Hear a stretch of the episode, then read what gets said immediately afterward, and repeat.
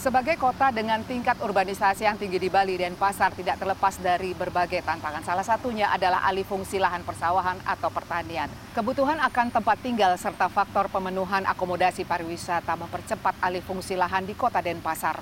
Pemerintah setempat melakukan beragam upaya agar masyarakat tetap tertarik mempertahankan lahan pertanian mereka. Dengan jumlah penduduk hampir 700 ribu jiwa, Alih fungsi lahan di kota Denpasar tak terelakkan. Alih fungsi lahan mengakibatkan lahan pertanian terdampak dan tergerus cukup tinggi. Data Dinas Pertanian Kota Denpasar mencatat dalam kurun waktu lima tahun terakhir terjadi penyusutan lahan sekitar 600 hektar. Dari 2.400 hektar di tahun 2017 menjadi sekitar 1.800 hektar di tahun 2022. 1.800 luas lahan yang tersisa di tahun 2022 tersebar di empat kecamatan, yakni Kecamatan Denpasar Selatan, Timur, Utara, dan Barat.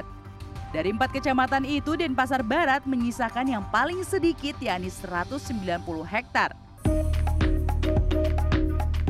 Karena itu, upaya mempertahankan keberadaan lahan hijau dilakukan sejumlah warga di kota Denpasar. Di desa Daupuri Kau, Denpasar Barat, sejumlah warga memanfaatkan lahan pinjaman seluas 20 are milik warga yang tidak terpakai. Berbagai sayuran seperti cabai, kacang panjang, labu siam, dan ikan lele dibudidayakan di lokasi ini. Pertanian ini dilakukan sejak 2021 dan hasilnya dimanfaatkan kembali untuk warga atau disumbangkan. Membuat program di pemerintah desa melalui musyawarah desa kami, salah satunya yang kita lakukan adalah bagaimana kita bisa memanfaatkan lahan-lahan yang masih tersisa, lahan kosong yang masih tersisa yang masih kita bisa manfaatkan untuk lahan pertanian khususnya perkebunan.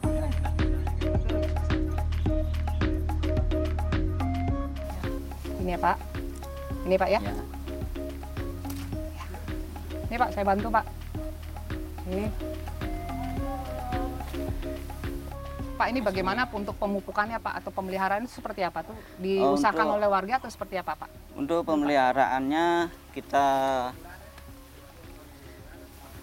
kita lakukan pemupukan untuk seminggu seminggu sekali untuk bila ada gini daun-daun yang kena hama itu kita lakukan pestisida. Lahan pertanian yang dikerjakan warga mendapat bantuan pembibitan dan pupuk dari desa. Sementara untuk pengairan didapat dari aliran sungai terdekat dengan cara sederhana. Bisa jelaskan nih alat kinciran gimana nih Pak idenya Pak bisa ya, Pak? Ini idenya kan karena uh, keterbatasan dana ya, ya untuk bisa mendapatkan air dengan tanpa biaya gitu. Jadi muncullah ide teman-teman untuk mencoba kita buat kincir. Agar lahan hijau atau pertanian tidak hilang di perkotaan, pemerintah Kota Denpasar memberlakukan peraturan daerah dengan menetapkan sekitar 900 hektar lahan pertanian sebagai lahan abadi atau lahan sawah dilindungi.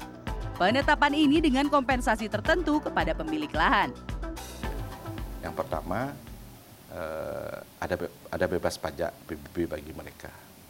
Yang kedua, tahun 2024 ini Pak Wali Kota juga akan uh, menanggung biaya BPJS tenaga kerjaan bagi petani atau pelaku pertanian yang punyai garapan di Kota Denpasar. Penetapan sawah abadi atau dilindungi mendapat tanggapan positif warga kota di Jalan Penati Denpasar Utara ini.